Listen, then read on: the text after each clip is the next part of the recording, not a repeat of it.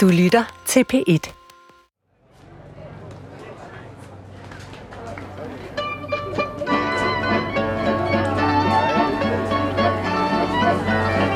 Da Steven Schwartz, radiolegenden, og min faste samarbejdspartner på den tid og jeg, om morgenen nærmer os båden, der skal sejle os fra San Marco-pladsen ud til konferencecenteret ude på Lidoen, stranden i Venedig, står vores DR-chef nede på båden og fægter med armene og råber, I har vundet! I har vundet!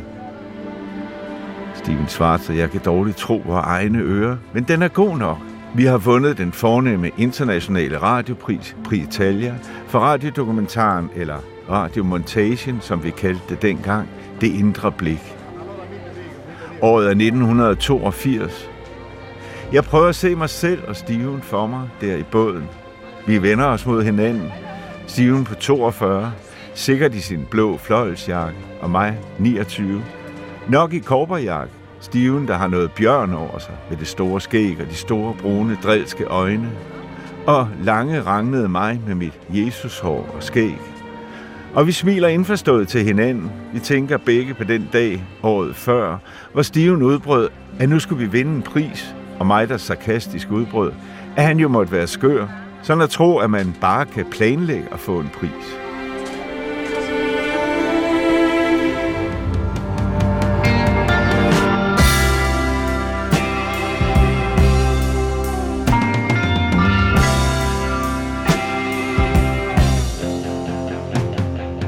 Sådan starter en af de første scener, der dukker op i min erindring, da jeg begynder at tænke tilbage på en tid fra midt 1970'erne til midt 90'erne. 20 år, hvor dansk radio gennemgik en revolution, som hen ad vejen blev en tradition. En tid, hvor lyd fik en helt ny betydning, og hvor man som lytter pludselig kom tættere på mennesker end nogensinde før. Takket være den nye dokumentarradioform, Radiomontagen. Du kan eksistere i en verden, hvor du ikke øh, kan eksistere. Og disse radiomontager blev skabt i et miljø i og omkring det daværende radiohus i Rosenørns Allé på Frederiksberg. Et miljø befolket af helt særlige, og efter nogens mening også sære radiofolk. I en flok, som ikke rigtig var en flok, fordi den bestod af en række individualister, som arbejdede i hver deres kunstneriske værksted – men havde pionerånden til fælles, og hvor der ikke var plads til hvem som helst, fordi kravet var, at radioens muligheder altid skulle afprøves til det yderste, og kun det bedste var godt nok. Hvad fanden er du for en interview? Hold nu kæft. Det er det miljø, denne P1-serie, Eliten for Rosnørens Allé, historie fra radiomontagens pionertid, handler om. Slok. Jeg hedder Torben Brandt, og det er mig, der fortæller historien, fordi P1 har bedt mig om det. Fordi jeg dengang var snart lydtekniker, snart producer, snart programmedarbejder. Indimellem stjerne. Hvad er det, de siger, de er? Jeg er Bibi. Men allermest vandbærer. Og så fordi jeg er en af de eneste, der faktisk kan gøre det. Stort set alle de gamle mestre for den tid er nemlig gået bort nu. Men heldigvis holder mange af deres fortællinger stadig, og dem vil jeg introducere dig til og fortælle om tilblivelsen af.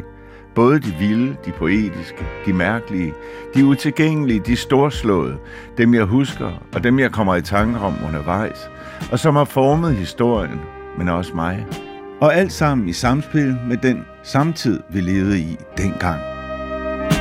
Så viskede han, jeg slår dig ihjel. Og til at støtte mig vil jeg opsøge dem af de andre vandbærere, som også stadig lever. Dem, som var med og oplevede såvel forsiden som bagsiden af medaljen. Alle succeserne og så de mere smertefulde sider. Kampene med stoffet, tvivlen, præstationsangsten, ensomheden. Jeg fik mavesår, jeg blev blind, og jeg fik tinnitus.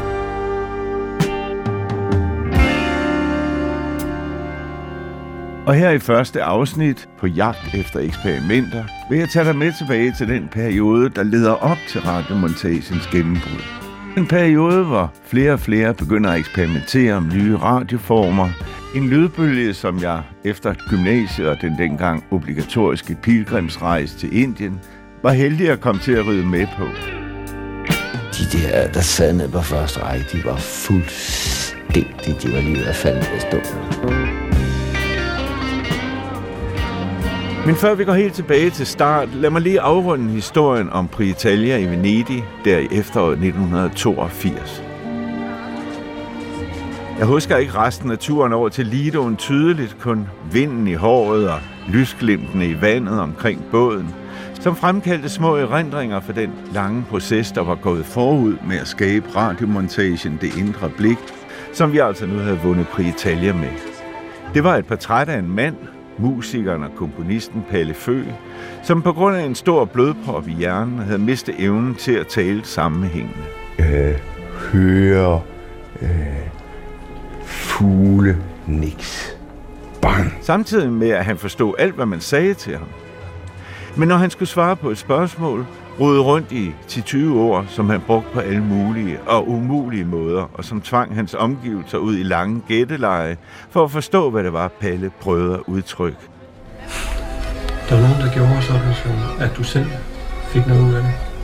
Ja. Ah, ja. Godnat. Ja. De gjorde noget spændende. Ja. Hvad? De gjorde noget spændende. Nej. Nej. Var det noget underligt, der skete? Øh, ja. Og vi havde optaget det hele i 3D-lyd, eller binaural lyd, som det hedder med teknisk udtryk. Og blev nu de første, der nogensinde havde vundet en international radiopris med den teknik. Da vi nåede frem til Lidoen, ventede også alle de andre DR-chefer på kajen med åbne arme og skulderklap, og deres let skeptiske, for ikke at sige mistroiske blikke, som vi havde gået rundt imellem i ugens løb, var pludselig forduftet. Deres skepsis skyldtes, at Prietalia ellers traditionelt var forbeholdt chefer, og dem, der lavede udsendelserne, ja, dem fløj man normalt kun ind, hvis de vandt. Men det ville Steven og jeg ikke finde os i, så vi havde nærmest snedet os til at flyve til Venedig, for at finde ud af, hvordan andre ude i verden laver radio. Men selvfølgelig er der vigtigst for at følge vores radiomontage helt til dørs. Og da vi nåede frem til konferencecentret, viste det sig, at selv alle vores konkurrenter fra alle mulige lande, nu da konkurrencen var slut, også var store nok til at hylde os. Vi var nu pludselig omgivet af venner på alle sider. En noget uvandt situation for os.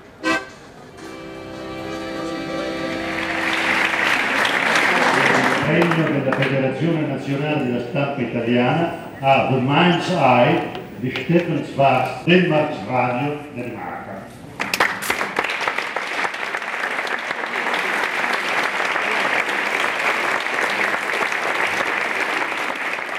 Men hvad vi ikke havde nogen anelse om i dette øjeblik, var, at denne dag i efteråret 1982 også blev startskuddet på et 25 år langt triumftog for dansk radiodokumentar, dansk radiomontage, som herefter med få undtagelser vandt internationale priser hvert år frem til 2007. Det blev en af radioens guldaldere og skabte radiomontager, som stadig lyttes flittigt, ikke mindst af vores tids podcastere. Og mange mener, at den bedste af dem alle er eliten fra minfeltet af Peter Christiansen, som har inspireret til titlen på denne serie. Og historien om den vender vi tilbage til i et senere afsnit. prisvindende montage. En meget fin tradition for radiomontager i Danmark. Sådan ser de i hvert fald på det i udlandet. Pre-Italia i 1982, Pre-Italia i 1984, Pre-Italia i 1985, Er der sindssygt? 1986, en gang til. Hold nu kæft. Er du ensom? Det skal jeg spørge om fra dig.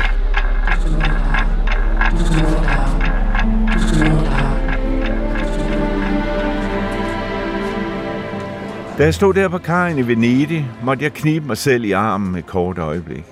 Var det virkelig rigtigt, at en provinsdreng som mig, der var kommet ind med firtoget, fik lov til at opleve dette højdepunkt i radioens historie?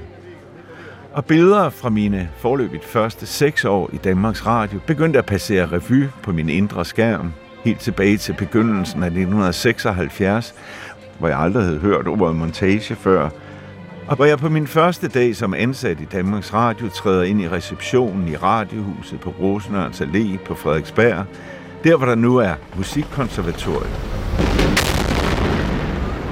Dette er, træder ind på den tid, hvor Vietnamkrigen endelig er blevet afsluttet skal vi kalde det nulpunktet, med amerikanernes nederlag. befrielsestimen. Året, hvor debatten for og imod atomkraft i Danmark eksploderer, Vores opgave er, at befolkningen skal vide, hvilke trusler atomkraften rummer. Og hvor Anker Jørgensen for anden gang bliver statsminister. Ja, jeg kan meddele, at jeg har tilrådet dronningen, at jeg får den opgave at søge dannet en regering på det bredest mulige grundlag. Og både gasolin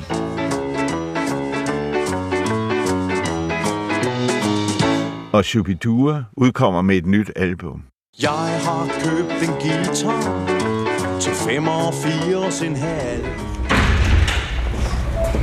Receptionen på indgangen. Der står jeg 22 år gammel. Jeg skulle med her. I sømandsjakke, jeans og ørkenstøvler. Nej, det er besked for. Og med et brev. Med et brev i hånden. Nej. Midt i den smagfuldt designede DR-reception med marmorgulvene og de slanke designermøbler med kraftig brun læderbetræk på sæderne. Og som om det ikke er nok, også et læderbetrukken loft over. Nu må du vente her til, til manden kommer jo. Og da jeg går ind i den tilstødende højloftede foyer med trægulve og træpaneler mellem de mange døre ind til studier på begge sider, er jeg tryllebundet over for første gang i mit liv at være inde i et hus, som udelukkende rummer kultur, kunst, journalistik, en kreativitetens mekka, og jeg tager en dyb indånding, som får forduften duften af træ og kultur helt ind i kroppen. Ind i en krop, som ellers er fyldt med usikkerhed om, hvorvidt jeg overhovedet hører til her, og om jeg har det, der skal til. Men jeg er også lettet og lige forladt universitetet og mine kun fem måneder på samfundsfagsstudiet. Lettet over at have forladt et miljø, hvor forskellige fraktioner på venstrefløjen kæmper en daglig kamp for at vinde sjæle som mig, og hvor diskussioner om alle hånde marxistiske ideologier raser i døgndrift, og hvor det eneste alle kan blive enige om er, at alt er politisk, helt ind i privatlivet, helt ned i underlivet. Et miljø, der er temmelig anstrengende, når man, som jeg, stadig forsøger at holde fast i den frihedsfølelse og kreative frisættelse, som rockmusikken havde givet mig fra Beatles i de tidlige 60'ere og frem efter. En revolution, som jeg for en stor del havde oplevet gennem radioen. Den radio, som havde været min trofaste følgesvend, siden jeg var dreng, og som altid lokkede med muligheden for at drømme mig væk fra lektierne og gå på opdagelse i stadig nye verdener. Den radio, jeg kun i mine vildeste fantasier havde forestillet mig at kunne blive en del af. Den radio, som jeg nu pludselig står inde midt i. Kan du give noget på? Og i brevet, jeg har i hånden, står der, at jeg i dag skal starte som en af otte nye lydteknikerelever. Jeg skal lære at lave professionel radiolyd. Øh. Lære at klippe og klistre i lydbånd på store spoler. Og lære at mixe ord, lyd og musik sammen. For helvede, så er der musik. Hvad siger du? 200. Ja. Skal du tage den med ned? Ja, så er jeg lige ned, når jeg går i gang. Ja. Og op igennem udvælgelsesforløbet har jeg lært, at det forventes, at jeg skal gå i vagtskema og arbejde skiftevis dag, aften og nat, være til rådighed for alle mulige opgaver, fra simpel sending af udsendelser til mere komplicerede redigeringsopgaver. Og jeg skal organiseres i Metalarbejderforbundet, og der er skarpe skil mellem programmedarbejdere og lydteknikere, mellem stjernerne og vandbærerne. Stil nu ind på de danske stationer, der er rytmer i Men jeg har min helt egen forløbig hemmelige drøm. Så snart det bliver muligt, vil jeg prøve at komme væk fra rutinearbejdet, og derind, hvor der eksperimenteres med at lave nye former for radio. Radio, som taler anderledes til lytterne, i en anden tone end den, jeg har opvokset med, og som jeg for første gang blev opmærksom på som 6-7-årig i slutningen af 50'erne. Han indså, at der her åbnede sig en fortrinlig lejlighed for ham til at erhverve sig sine høje forsatte gunst. Hvor jeg lå på ryggen på parketgulvet inde i stuen derhjemme på Vestjylland under Linde der Laversen radioen mellem dens fire slanke, runde tigtræsben og hørte middagsfølgetongen. En mellemfuld dyb herrestemme læste en roman op, men hvor jeg havde svært ved at koncentrere mig om fortællingen, fordi jeg undrede mig over, hvorfor stemmen i radioen havde så travlt med at lyde så autoritær. Hvorfor al denne mellemfulde patos? Pastor Møllers ringe medtjener og oprigtige ven. En tone, jeg også kendte fra andre programmer. Ikke mindst den pressens radioavis, som min far hørte hver dag til frokost. Det var i dette øjeblik, at et af de første kim til en livslang aversion mod autoriteter sættes i mig. Autoriteter, som jeg også møder i min skole, i kirken, derhjemme på den tid, og som når det kommer til stykke, fornemmede jeg ikke havde så meget at have den i. Og derfor ikke udrettet meget andet end at ødelægge ens gode humør. For det var langt fra, at den bevægelse, Torkild Møller mere og mere vagte rundt omkring, havde virket afskrækkende på en sådan Og her 16 år senere, stående midt i radiohuset for første gang, er jeg nu spændt på, om der er andre idéer, der har det på samme måde, og i givet fald, hvor de er, og hvordan jeg kan komme i kontakt med dem.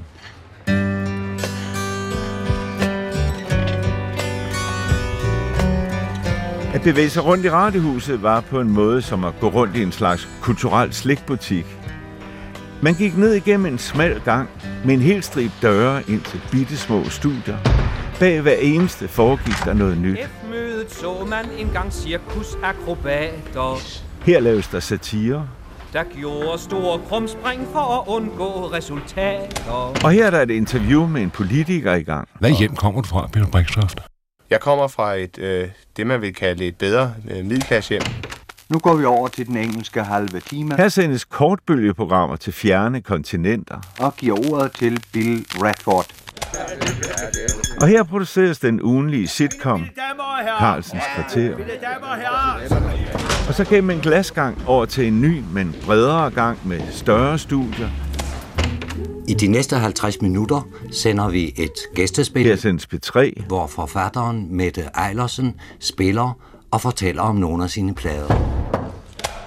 Pengeinstitutterne i Sønderjylland har i de sidste dage gennem annoncer lokket med høje renter for at få vesttyskere til at indsætte sparepenge her radioaviser. i et dansk pengeinstitut, skriver Jyske Tidene.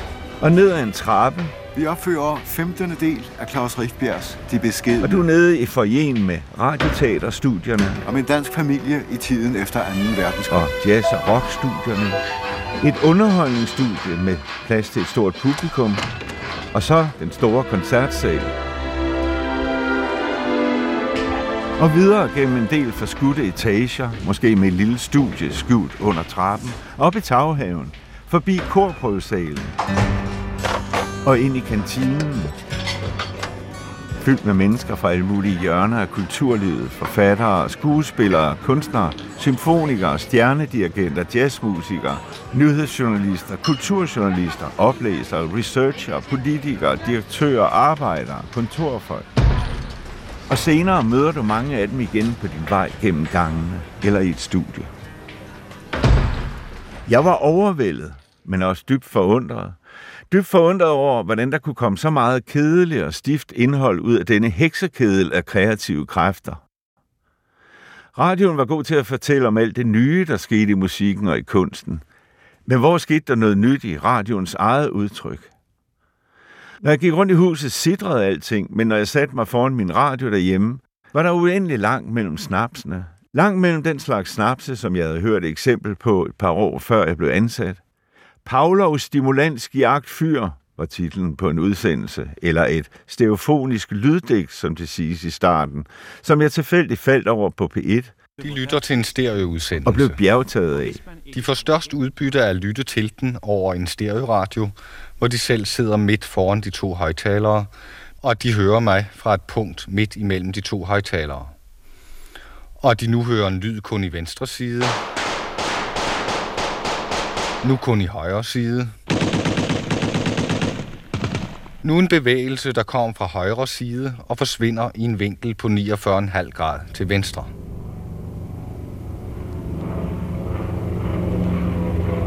I Pavlovs Stimulansk Jagtfyr leger tilrettelæggeren, kunstneren Anker Fjeld Simonsen, med alle mulige udtryksformer, musik, oplæsning, reportage, fiktive radioklip.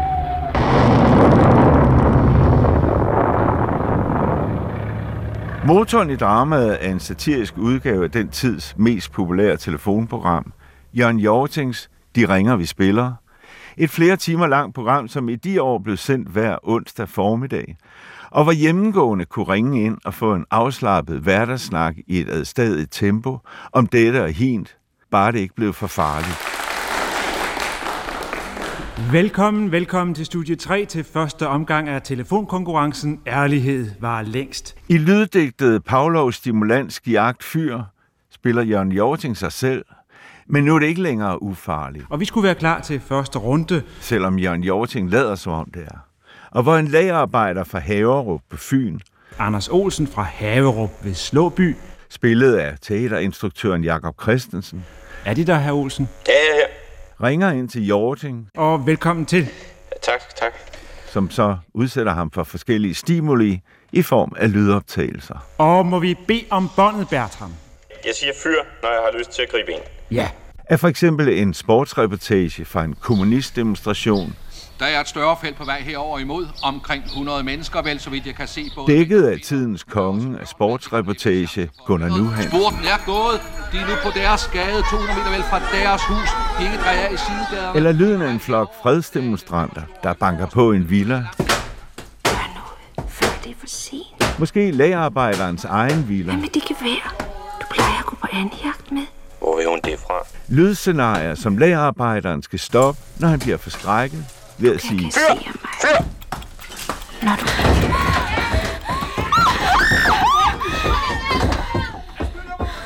Udsendelsens påstand er, at den, der reagerer negativt på tidens politiske bevægelser, gør det for at undgå at tage medansvar for verdens fortrædeligheder, krig, undertrykkelse, fattigdom. De har betingede reflekser indpået gennem et borgerligt samfundssyn. Et samfundssyn, som ikke mindst medierne herunder Danmarks Radio er med til at forme. Den slags betingede reflekser, som den russiske psykolog Ivan Pavlov var blevet verdensberømt på at påvise, ved at lade en klokke lyde, hver gang en hund fik mad. Når mad og klokke således havde forekommet sammen nogle gange, fjernede professor Pavlov madskålen, således at forsøgsdyret udelukkende stilledes over for stimulus klokke, og han konstaterede da, at hunden reagerede på klokken ved at afsondre spyt, uden at den fik mad. Og som han kaldte en ubetinget stimulus. Vi vil bare have dem til at skrive under på en protestskrivelse. Nej, det får I mig ikke til. Jeg er færdig med jer. Jeg vil ikke have noget med at gøre. Skrid! Bravo, Olsen. Fire point. Ja, et stærkt politisk lyddigt, må man sige, men helt i tidens ånd, der midt i 70'erne, og med en pointe, jeg godt kunne følge, men hvor det meget mere var formsproget i udsendelsen, jeg var fascineret af. Ja, det, det er studie 42. Øh, vil du altså klip, inden Ole begynder at snakke? Altså, så riger der ingen, der er i hvert fald ikke herhjemme? Det med håndkraft. Ja. Altså, så riger der ingen, der er i hvert fald ikke herhjemme? Det skal vi jo nok sørge for. Men det var ikke ligefrem udsendelser som Pavlovs Stimulans Jagtfyr, jeg kom til at klippe i de første år af min tid som lydtekniker. Og sikkert godt for det. Jeg var jo stadig kun en ung lærling i starten af 20'erne, men heldigvis elskede jeg også at klippe simple udsendelser, teknisk som indholdsmæssigt, om alt mellem himmel og jord. Fra sociale udsendelser, Huden ligesom hænger ned mod munden. Der er dybe folder ved mundvigene. så for eksempel om, hvad ansigtsoperationer gør ved mennesker. Desuden kan man se, at der ligesom er kalkunhals. Hvor meget kan en ørn løfte? Til videnskabsprogrammer. Hvorfor er nattehimlen mørk? Hvad er elektrochok? Fabrikken ligger nord for Peking, ikke så langt fra den store kinesiske mur. Over til reportager fra Kina. Eneste bygningsværk, der kan ses fra månen. 4.000 km lang. Og så videre, og så videre. Men når jeg så efter en arbejdsdag begav mig ud på vandringen gennem radiohusets lange gange mod bagporten, skete det jævnligt, at to fyre kom gående imod mig. Den ene var teaterinstruktøren Jakob Christensen, ham som spillede en lagarbejder fra Haverup på Fyn i Pavlovs Stimulansk Jagtfyr. En høj, kraftig, lidt ældre fyr med stort, sort, kruset Jimi Hendrix-hår, som skubbede på en lidt vakkelvogn reol på hjul, propfyldt med store, tunge lydbånd. Den anden, en firskåren fyr i armijak, lydtekniker Niels Vorsø. Niels kom skubbende på en stor, professionel firespors spolebåndoptager. Jakob og Niels var i gang med at lave det, de kaldte en politisk operette med arbejdstitlen Og det skete i de dage, bestående af musik og radio og tv-stemmer fra de mange vilde politiske dramaer, der udspandt sig i dansk politik tre år tidligere, i året 1973, hvor der blandt andet var EF-valg og bilfri søndag. Der udskrives nyvalg til Folketinget. Og Anker Jørgensen udskriver valg i december. Et valg, hvor tre nye partier, Fremskridtspartiet, Centrum Demokraterne og Kristelig Folkeparti kommer i Folketinget, og kommunisterne og Retsforbundet, som havde været ude, kommer ind igen. Hvilket resulterer i, at de gamle partier mister 54 mandater. Det såkaldte jordskredsvalg. Men som de siger, nu er det sket. Og hvor Erhard Jacobsen og Mogens Glistrup Jeg besluttede mig til at gå i gang med min nulskatteprovokation her 1. januar 1971. får deres store gennembrud. Alt sammen hændelser, som Jakob havde siddet og optaget hjemme i sin stue igennem hele det år, og slidt mere end en båndoptager ned på. Og jeg ser misundelig efter den, da de kører ind i elevatoren og ned til et studie. Jeg ville have givet den halve arm for at få lov at være fluen på væggen der i studiet om aftenen og om natten. Jakob og Niels blev mine første radioforbilleder blandt mine nye kolleger. De lavede den slags eksperimenter, som jeg drømte om. Og da jeg starter forberedelsen til denne serie, opdager jeg, at både Nils og Jakob stadig lever i bedste velgående, så jeg opsøger den hver for sig, og har nu med over 40 års forsinkelse muligheden for at få indblik i, hvad det var, de gik rundt og lavede der om natten i radiohuset dengang. Hvad det var, jeg gik glip af. Og hvad jeg lærte af møde med Niels Forsø og Jakob Christensen, kan du høre om i næste afsnit af denne P1-serie, Eliten for Rosenørns Allé, og hvor jeg for første gang mærker, at der også kan være en pris at betale, når man kaster sig ud på det dybe vand og udfordrer institutionen og traditionen, og så ikke mindst udfordrer sig selv. Jeg hedder Torben Brandt. På genhør i næste og kommende afsnit, hvor jeg fortsætter med at åbne døre til stadig nye lydrum og fortæller, hvad jeg så og hørte dengang.